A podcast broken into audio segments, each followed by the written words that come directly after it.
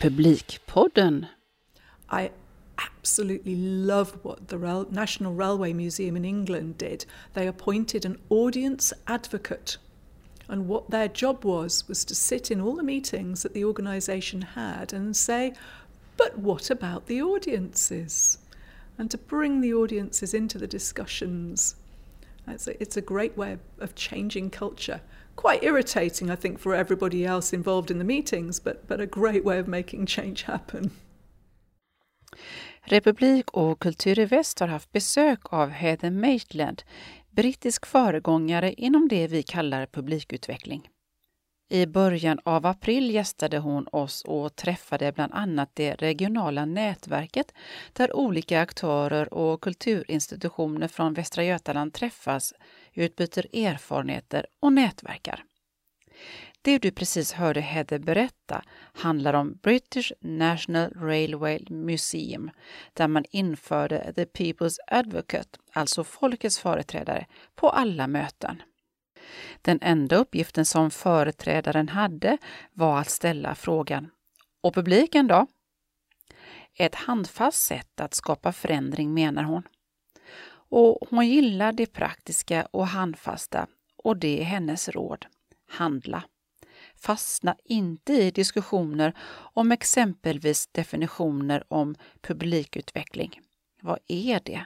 Ska vi kalla det audience development eller audience engagement? Vad är rätt och vad är fel? I don't think it matters. I think the UK got itself really stuck into a, into a discussion about definitions. What does it mean? Um, what, it, what is audience development? And actually, they forgot to develop audiences.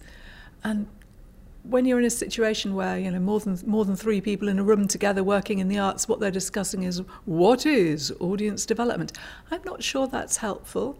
I think what it shows us is that for different organisations, it's something different depending on where they are in their, their stage of development, what their mission is, um, how how their art is perceived by audiences. All of those different variables means we've got mean we've got to have a different definition of of audience development. I can tell you what it's not.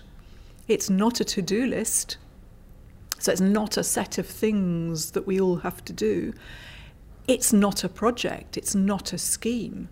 Know, it's not a oh, let's go and do um, a test drive the art scheme because then we'll be doing audience development it's about finding what's right for your organisation in order to broaden and deepen your engagement with audiences. And I do like the word engagement because that's a two way thing.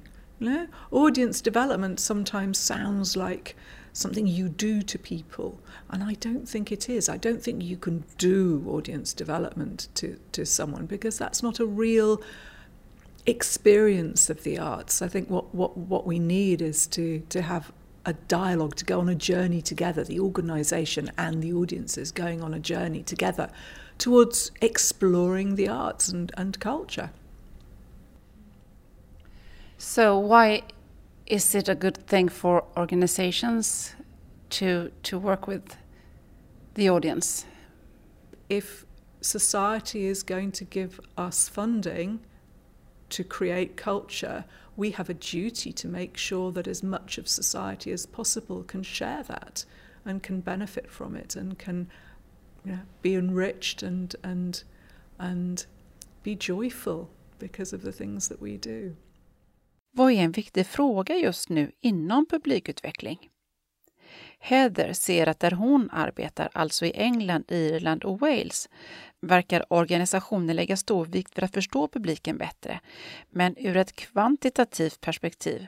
Och Heather ifrågasätter om det är det kvantitativa vi borde fokusera på. I think people in the, the places where I work, I work a lot in Ireland, I work a lot in Wales, I work a lot in England.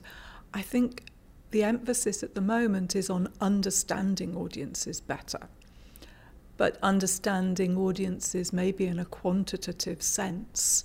So I think it's great that we know the age of our audience. I think it's great that we know where they live.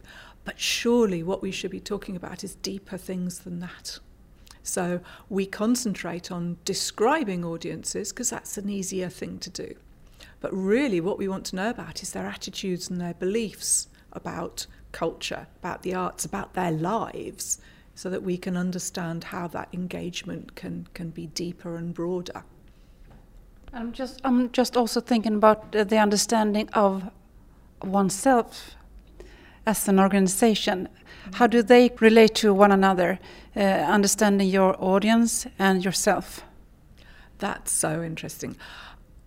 I think that it's always true that where an organization doesn't have a business planning process, where it doesn't understand its business, it doesn't have a mission or a mission that everybody shares and understands, if it doesn't have objectives about what it wants to, to do and what it wants to be, then it's always very bad at audience development because it's a bolt on, because they don't really understand what's at the heart of what they do. They, it, they're organisations that don't ask why, what for.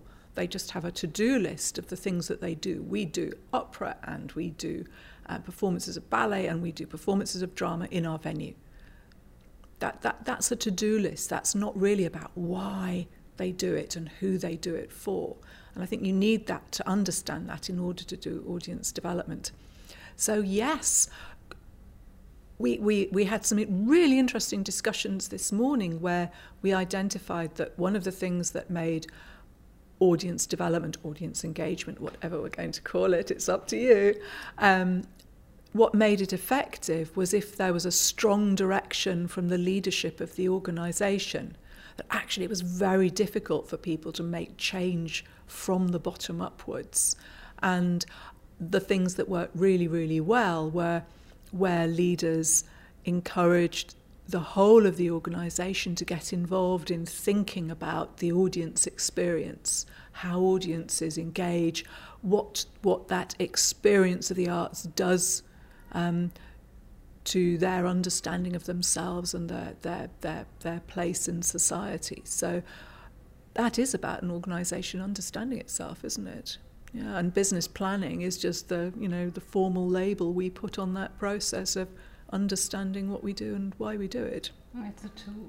It's a tool. Yeah. Det går inte riktigt att staka ut en väg. Olika organisationer behöver fokusera på olika saker.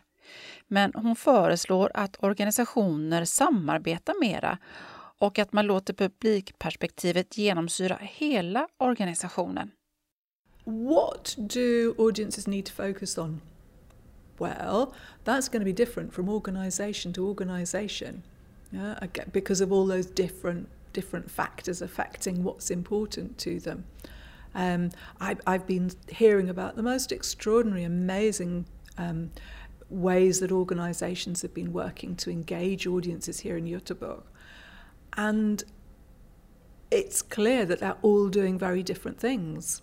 Quite often they're doing very different things, but in collaboration with each other, which is, is, is amazing because audiences don't, don't perceive organisations in, in isolation. They, they see their community and their culture and their society around them and the arts taking place within that. So I think it's very important that we work together to understand how audiences perceive culture across that whole community that they live in. So working together is really, really important. And sharing information, sharing ideas. We haven't got enough money to answer all our questions ourselves about our audiences. So sharing information is a really, really sensible thing to do. But I'd, I'd like to see more organisations discussing audiences all the way through um, their, their, their structure.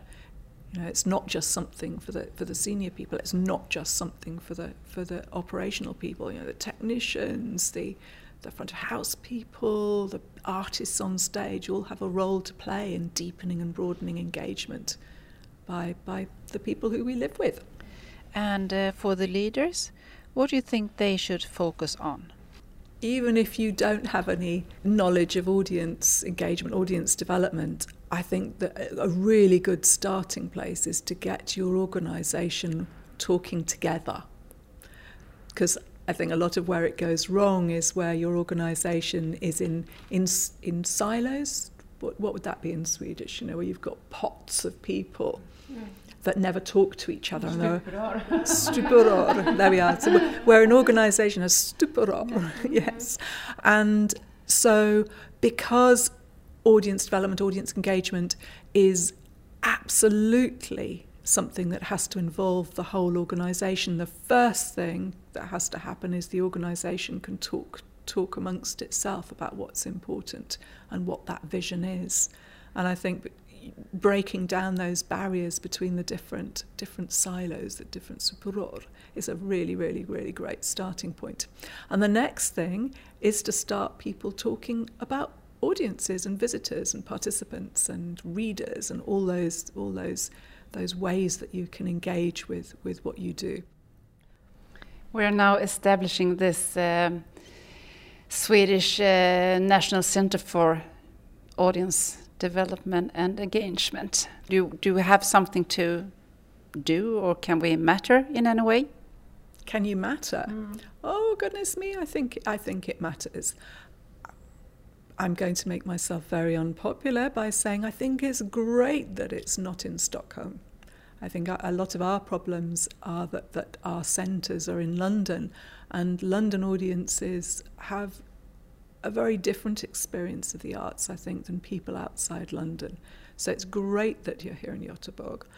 I think what I love about what you're doing, what I'm very excited by, is you're, you're getting people talking. You're getting people discussing and networking and engaging with this idea that we need to think about the way we engage with the people who we do this stuff for. Um, so, so that discussion and debate's really important.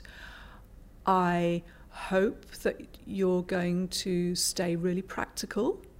That actually it's about stuff that organisations can do because I think you know, I'm, I'm guilty of this as well. We can get ever so academic about this stuff, but it, it matters to organisations that they get practical help about what they do on the ground. And I'd love that to involve artists. I think if we if we can engage with artists at an early point in their training or in their career and get them thinking about audiences, then I think they're they're they're they, they will themselves change organisations because they will be the, the, the, at the creative heart of the organisation talking about the people that they do the art for. Heather Maitland har inga svar, menar hon. Hon lyssnar och delar med sig om det hon vet. Och hur man närmar sig frågan beror på vilket sammanhang man verkar i. I think audience development has to be at the heart of of a, of, of, a cultural sector, and each each cultural area is going to have a different way of thinking and a different way of doing it. So I think what you have to do is do what's right for Sweden, do what's right for for Swedish culture. However, oh my goodness, what a lot of really exciting things are going on. I keep hearing about people's activities and it sounds absolutely extraordinary and really groundbreaking and innovative and thoughtful and practical things are happening. So I, I, I feel very positive about, about what you're all doing. Can you, can you learn something about what's happening in the Nordic countries? Oh, I learned a load this morning. I learned loads over the last two days just by listening to people talk about what they do and how they do it. Yeah, I'm, I'm always learning. I, I I think that's my job is to listen and to tell people about stuff they don't know, you know, um, but, but not to tell people what to do. Du har lyssnat på Republikpodden som produceras av Kultur i Väst. Du vet att du kan gilla oss på Facebook och du kan även gå in och läsa mer på repub.se. Hej hej!